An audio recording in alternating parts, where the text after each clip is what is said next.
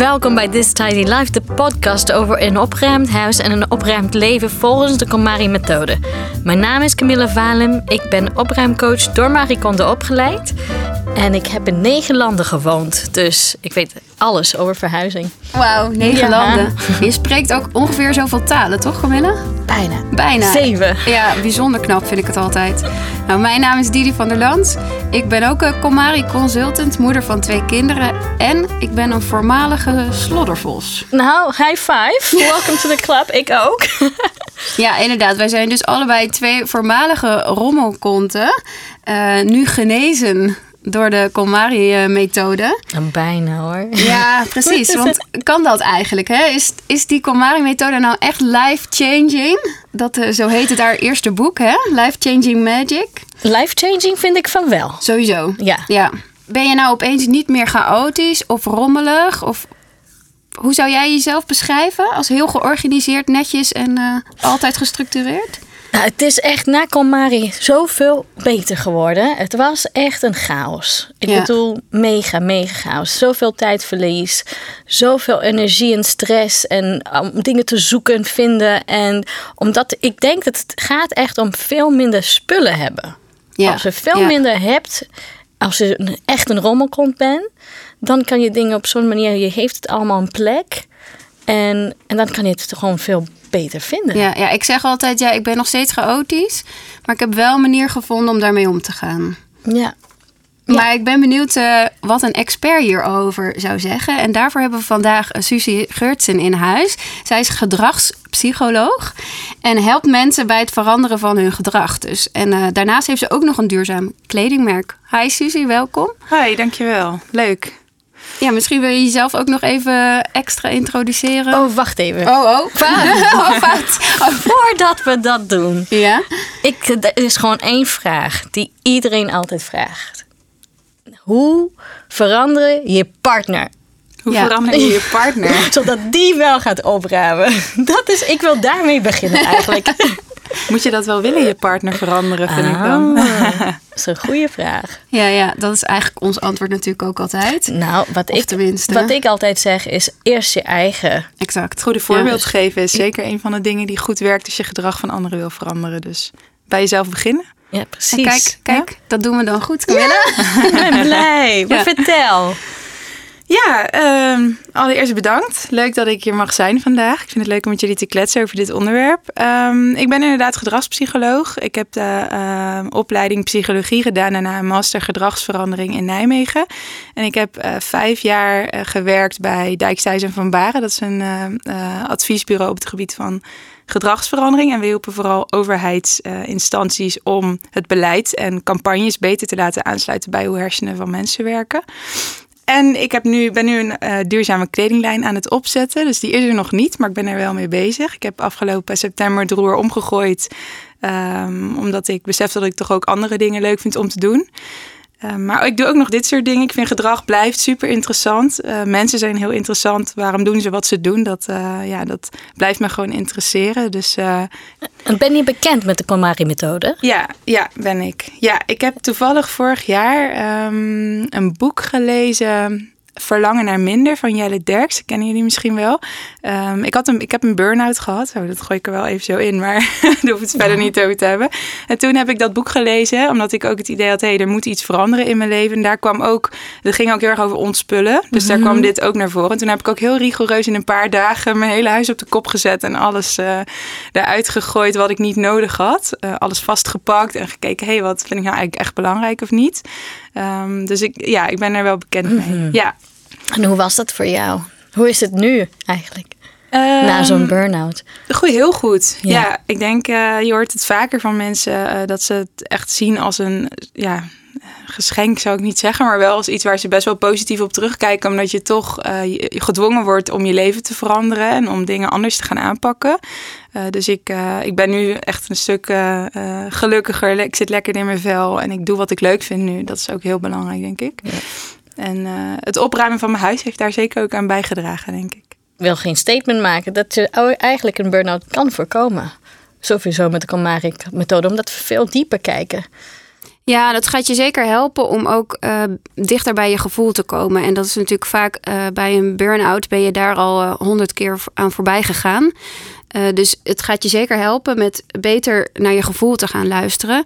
Kijk, of je daarmee een burn-out kan voorkomen, dat kunnen we misschien Nee, niet ja. zeggen. Want er speelt vaak een heleboel meer nog. Uh, maar als je uh, wat bewuster wil gaan leven en met minder stress, dan zeker uh, allemaal aan de slag. Ja, geloof Suzy, ik ook. Ben jij een goud? Nee, nee. Ik heb wel, uh, denk al van mijn moeder geleerd dat alles een vast plekje moet hebben. En als mensen bij mij thuiskomen, dan is het ook wel vaak uh, dat ze zeggen: Wow, um, ja, alles staat hier waar het moet staan. Ja. Uh, denk vooral nu, nu. Ik woon in een heel klein apartje, appartementje in Nijmegen en een torentje. dus ik heb ook niet zoveel space. En dan moet je ook wel ja, daar goed mee omgaan. Maar ik ben, ik ben geen chaot. Nee, nooit geweest ook. En uh, ben je een chaot of word je een chaot? Ik denk dat er natuurlijk wel uh, bepaalde kenmerken aangeboren zijn. Uh, iedereen wordt geboren met een bepaald DNA en bepaalde persoonskenmerken. Maar een groot deel is echt wel aangeleerd. Dus wat, wat zie je thuis hè? als je opgroeit? Wat doen je ouders? Wat zie je bij anderen? Dus ik denk dat een groot deel van of je opruimt of niet, dat dat aangeleerd is. En ook in hoeverre je dat fijn vindt of niet.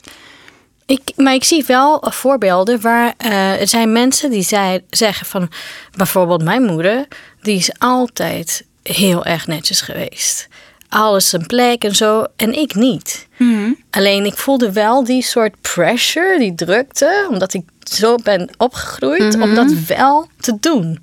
Ja. En, um, en andersom ook. Hè. Soms zeggen mensen, nou, mijn ouders en mijn moeder, mijn vader, die waren altijd zo netjes, ik ben het ook. Het kan al wel allebei de kant. Ja. Niet? ja, ik denk wat ook kan gebeuren natuurlijk is dat je in een omgeving opgroeit waarin alles heel netjes is, maar je dat juist misschien als niet zo fijn ervaart. Of als je een moeder hebt die steeds achter jou aanzet van hé, hey, je moet nu gaan opruimen, want uh, jouw moeder vindt het dan heel belangrijk. Dus logisch als je dan op jezelf gaat wonen, dat je denkt hé, hey, nu kan ik gewoon lekker uh, los mijn gaan. gang gaan. en daar dan vervolgens ook aan wendt en daarin blijft hangen. Dat kan zeker. Ja. ja. Dus een combinatie van heel veel factoren, denk ik, of je dat, uh, hoe je dat ontwikkelt. En wat is dan opruimen eigenlijk? Is dat gewoon een kwestie van doen? Wat vind jij? Um, ja.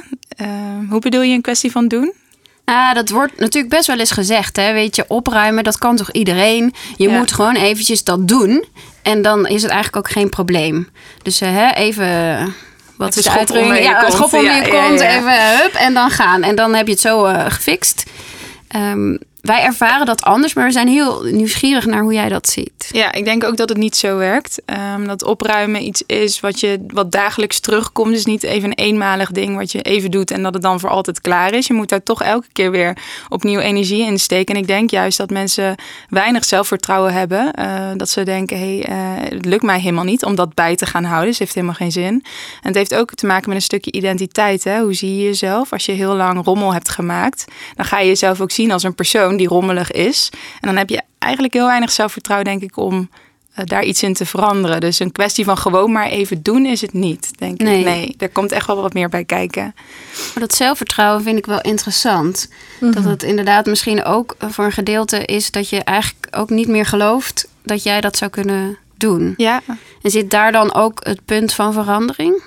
Ja, en daarin is het dan wel weer uh, gewoon doen. Of in ieder geval gewoon beginnen, zou ik dan zeggen. Ja. Dus niet gewoon doen, maar wel beginnen. Want het is heel belangrijk, denk ik. En dat is ook met de Marie Kondo-methode. Dan heb je een plan van aanpak. Dus je hebt een bepaalde structuur wat jou houvast geeft. En wat meer zelfvertrouwen om aan de slag te gaan. Vervolgens ga je dat doen en dan zie je... Hey, ik kan dit. En dan uh, gaat dat groeien. En dan ga je op een gegeven moment jezelf ook zien als een uh, persoon die wel kan opruimen. En dat is heel belangrijk. Ja, dat is heel mooi, want eh, dat zeg ik ook altijd. Het werkt verslavend. Ja. Ja, en eenmaal als het begint met ontspullen, dan stopt het niet eigenlijk. Ja, ja, ja, en ik herken ook heel erg die onzekerheid in het maken van beslissingen. En eigenlijk, uh, dat zie je op het moment Ja. dat je gaat opruimen. Dan merk je dat mensen vastlopen als ze een beslissing ergens over moeten maken. Ja. Maar wat zo mooi is, omdat je dan over al die duizenden en duizenden spullingen, spullen aan het eind een beslissing hebt gemaakt. Dan kan je ook over andere dingen veel makkelijker uh, goede beslissingen maken. Ja, je oefent dat gewoon. Ja, hè? precies. Ja, dat Ja. geeft eigenlijk heel veel. Daarom is het gaat Ja. niet alleen om die spullen en om opruimen, maar gewoon om wie ben jij als persoon. Dat, Ja. Het is veel groter dan dat. En het is heel confronterend. Ik Ja. had een cliënt vorige week en En ik heb met haar eh, vier uur lang papier gedaan. Alle papier in het huis.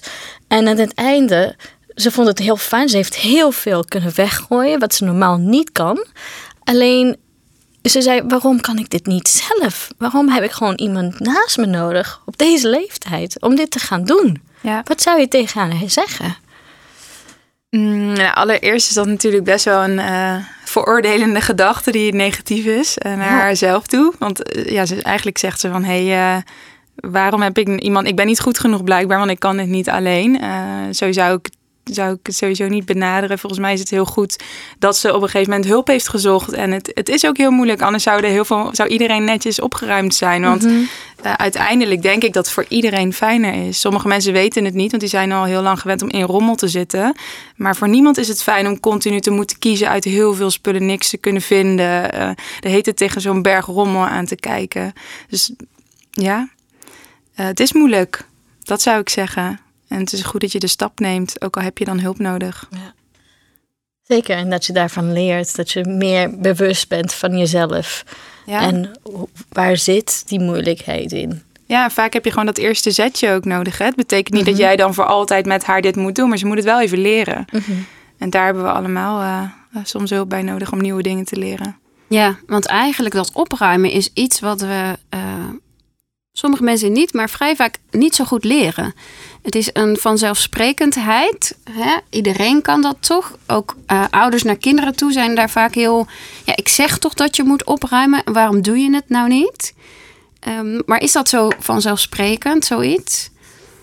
Ehm, de manier waarop bedoel je? Ja, omdat gewoon moet iedereen maar opruimen kunnen, zomaar meteen. Ja, volgens mij, want de Marie Kondo-methode is wel echt een hele specifieke manier van opruimen. Dus ehm, er wordt dan inderdaad geroepen, ruim maar op. Maar inderdaad, wat is dat dan? Hoe ruim je op een goede manier op? Eh, ik denk wat heel belangrijk is, als je puur kijkt naar hoe gedrag van mensen ontstaat en in stand gehouden wordt, dat eh, het opruimen ook belonend is vervolgens. En als je het dus niet op een goede manier doet, is het binnen no time waarschijnlijk weer rommelig. En dan heb je zoiets van, ja, waar doe ik dit eigenlijk voor? Dus volgens mij leren we eh, niet allemaal echt meteen goed aan hoe je nou goed opruimt en er dan vervolgens ook blij mee bent. En dat ook ja, kan ervaren van, hé, hey, dit is fijn, dus ik ga dit nog een keer doen. Ja, want dat is een heel belangrijk punt. Ja. Van hoe krijg je motivatie om door te gaan met opruimen ook? Ja. Is dat een vraag? Eigenlijk wel. Nou ja, heb Dus heel veel mensen voor? zitten zo stak in. Ja. Van, eh, Ze Ja. beginnen, sowieso met de Ja. KonMari-methode zie ik heel vaak dat mensen met heel veel energie de kledingcategorie doen. En daarna, En de rest. en ja. de rest, dan stopt het. En dan, is, ja, dan werkt het natuurlijk niet. Ja, en wat heel belangrijk is, is dan om, eh, eh, denk vooral heel goed stil te staan bij wat het met je doet. Dus wat ik al zei, eh, gedrag is, als je het heel plat slaat, moet het belonend zijn om herhaald te worden. Eh, dus je wil eigenlijk voor jezelf regelen dat het belonend is. En dat kan je op meerdere manieren doen. Wat vooral belangrijk is, is dat je het zo makkelijk mogelijk maakt voor jezelf. Dus niet verwachten dat je het allemaal in één week doet, maar het in stapjes doen, zodat, je, zodat het niet heel vervelend is en je elke keer gewoon wat pakt, maar ook wel echt die progressie kan zien. Ehm, en ik denk ook gewoon goed stilstaan bij wat je doet. Hè? Niet alleen, wij zijn heel erg geneigd om maar, eh, wat, wat je net ook beschrijft, om het allemaal niet goed genoeg te vinden, onszelf niet goed genoeg. Eh, Maar we doen eigenlijk, als je hiermee begint, dan ben je hartstikke goed bezig. Dus daar moet je ook wel echt even dankbaar voor zijn en voor gaan zitten. hè. Van kijk waar, waar, waar ik allemaal vandaan kom, wat ik nu aan het doen ben. Ja, je eigen cheerleader zijn. Ja. Ja. Eigenlijk. Wat een mooie tips. Ja, vind dat je dat heel mooi formuleert ook, zeg maar. Ja. Dus eh, als ik het goed begrijp, zou jij zeggen, nou zo'n permanente gedragsverandering. Dus eigenlijk gaan van, van best wel slordig en chaotisch en altijd rommelig zijn, zolang als je je kan herinneren, naar toch georganiseerd en gestructureerd, is wel mogelijk. Zeker, ja. Ja, en wat, als je helemaal kijkt naar hoe begint zoiets dan, eh, dan moet je wel enige motivatie hebben natuurlijk, Ja. want anders ga je er nooit uitkomen. Ehm, dus eh, ik denk dat het in eerste instantie wel dus belangrijk is om gewoon even te doen. Dus gewoon te beginnen en dan vervolgens te ervaren dat het fijn kan zijn eh, als je het op de goede manier doet. Kleine stapjes op een georganiseerde manier die vol te houden is. En dan kun je doorzetten als je maar dan eenmaal in die beweging bent gekomen. Ja. Maar het kan zeker, ja. En, Nou, en het is wel voor sommige mensen, denk ik, een disclaimer, zeg maar, dat sommige mensen die lijden van ADHD of depressie, dat dat nog iets moeilijker is misschien, maar dat het wel helpt en, en lukt. Ik ben zelf, denk ik, ADHD. Ja. Dat denk ik wel. Ik ben net eh, een beetje erachter gekomen, maar goed. En, en ik zie wel de patronen, dat het wel kan helpen. Zeker. ja. Ik denk juist voor, ik ben, ik ben geen klinisch psycholoog, dus ik weet daar niet alles van. Maar juist eh, kan ik me voorstellen als je zo'n stoornis hebt waarbij je eh, moe- wat moeilijker prikkels verdraagt bijvoorbeeld. Is het denk ik juist belangrijker dat je in een opgeruimde omgeving bent. Waarin je ook tot rust kan komen. Want anders blijf je aan. Dat geeft natuurlijk superveel stress. Ja. ja, dat eindresultaat is dan extra belangrijk, maar de weg daar naartoe kan, is moeilijker kan waarschijnlijk. moeilijker Dat zijn. kan. Dat Ja. ik. Ja. Ja. Ja. Maar zolang je het maar, en dat is met alle gedragsverandering belangrijk, maak het haalbaar. Dus, Mhm. eh, Ja. Probeer, leg die lat niet te hoog. Want dat is wat we vaak geneigd zijn om te doen. We willen Mhm. alles of niets. We hebben een hele grote stip aan de horizon waar we dan keihard op afrennen. Maar ehm, zo, zodra het te groot gaat voelen, haken we af. Want eh, Ja. dat kan gewoon niet. En Marie Kondo bedoelt ook zeker niet dat je in één dag of in één week dit Ja. gaat doen. Maar wel dat je bij het begin begint en tot het einde doorgaat. En zij deelt dat op in verschillende categorieën. Dus voordat je met je begint met kleding, maar voordat je doorgaat naar boeken of papier, dat je eerst kleding echt Ja. afmaakt. En misschien duurt het wat langer, dan zit je even in een zooitje. Ja. Maar dat Ja. is wel. Ja, en als je weet dat je inderdaad niet een hele dag vrij kan maken ehm, om al je kleding te doen, want dat kan best een flinke klus zijn, dan kan je dat wel in kleine subcategorietjes gaan opbreken. dus dat je wel bijvoorbeeld al je t-shirts gaat doen, zodat je toch eh, stap voor stap vooruit kan komen. Ja, Ja. ik denk wel dat dat heel belangrijk is inderdaad. Dat je eerst het één afmaakt. Ook voor die beloningen. Want anders heb je het gevoel dat je alles maar half doet. Ja. En dan is de kans dat je eh, afhaakt ook weer groter. En ik snap overigens wel dat zij zegt haal alles uit de kast. Eh, want volgens mij is dat ook wel een stukje eh, extra motivatie. Omdat het heel confronterend is om te Ja, zien klopt. wat je allemaal hebt. Eh, en eh, ja, dat je je ook gaat Ja. afvragen van... Goh, wat moet ik hier eigenlijk allemaal mee? Heb ik dit wel nodig? En het daar, gaat ook om gedragsverandering. Dat je dan ziet Ja. van, weet je, eh, kopen, impulsief koopjes, al die dingen, dat, dat raakt je echt. Daar, daar verander je echt in Ja. als je dit op deze manier doet. Ja. Ja, ja, je leert gewoon veel bewuster, denk ik. Of anders kijken naar je spullen ook. Hè? Volgens Ja. mij zegt zij dat toch ook? Dat je Mhm. meer met dankbaarheid kijkt naar Precies. wat je hebt. Eh, dat is volgens mij heel belangrijk. Ja, Ik ben benieuwd. Een van de nummer één excuses die ik altijd hoor is: "Eh, maar ik heb geen tijd. Ja. En ik denk, nou, tijd heb je wel genoeg. Je maakt er geen tijd voor. Maar je zit wel altijd naar alle Instagram en Pinterest en dingen te kijken om hoe je het moet opruimen. Maar Ja. je maakt er geen tijd voor. Ja. Hoe zit dat eigenlijk? Ja, wat mensen vaak doen als ze iets wel willen, maar het niet doen, dan ontstaat er ehm, cognitieve dissonantie, noemen we dat eh, in de psychologie. Een soort van vervelend gevoel, hè? omdat je eigenlijk iets wil, maar je doet dat niet. En dan denk, ja, dan denk je niet zo positief over jezelf. En positief zelfbeeld is heel belangrijk voor ons. Dan gaan we maar redenen bedenken om dat voor onszelf te rechtvaardigen, zoals ik heb geen tijd. Ehm, terwijl we diep van binnen inderdaad allemaal wel weten dat je gewoon inderdaad geen tijd maakt, in plaats van dat je hem niet hebt. Ja, dus wat zou je eigenlijk tegen jezelf moeten zeggen? Nou, ik zou allereerst is het volgens mij belangrijk sowieso bij een bewuste levensstijl dat je de verantwoordelijkheid bij jezelf legt en niet buiten jezelf. Ja. Eh, dus dat is soms hard, maar eh, dan zou je eigenlijk gewoon eerlijk moeten zijn tegen jezelf. Ik heb het, ik maak, ik maak die tijd niet. Ik heb hem wel, maar ik maak hem niet. Ja, En dat is dan misschien even pijnlijk, maar dat kan misschien ook de, de pijn zijn die je nodig hebt om vervolgens echt iets te gaan veranderen. Als je je kop in het zand blijft steken, dan gaat er nooit iets gebeuren natuurlijk. ja heel goed gezegd. Ja, en ik wil er nog één dingetje nog even naar vragen. Want wat er vaak gezegd wordt, hè, dat rommel ook echt eh, stress geeft. Weet jij daar meer over? Ik heb wel eens gelezen dat ehm, het kan zorgen voor meer cortisol. Eh, maar ik zou zeggen, dat is het stresshormoon. Mhm. Weet ik niet zeker. Maar eh, logisch, als ik heel logisch over nadenk, geeft rommel natuurlijk continu prikkels. Want je, je, je ziet van alles. Ehm, en daar kan me voorstellen dat dat voor meer stress zorgt. En de mensen die zeggen, ja, maar ik, als ik helemaal leegte heb, dan kan ik niet creatief werken. En dan voel ik me juist heel ongelukkig. Ehm, ja, dat zou kunnen. Iedereen is natuurlijk anders. Maar ik vraag me wel af of deze mensen dat wel eens geprobeerd hebben. Of dat ze het gewoon gewend zijn om in de rommel te zitten. En dat als prettig ervaren en niet beter weten. Ik denk wel, om daar echt een goede uitspraak over te doen, zou je het wel allemaal eh, Moeten of allebei proberen moeten eigenlijk. proberen. Ja. Ja. ja. ja. nou dat vind ik een heel mooi antwoord. Ja, En dat is een goede afsluiting, denk ik, ook voor onze Try This at Home. Dus elke week vragen we om een tip dat luisteraars thuis kunnen gaan doen. Wat is een eh, challenge die je wil geven? Wat is een challenge? Um, moet ik even over nadenken hoor. Dat mag. Nou, ik zou zeggen, ehm, in ieder geval voor mensen die het moe, die hier tegenaan hikken, die denken ik wil wel opruimen, maar kan het niet of, of ik doe het niet.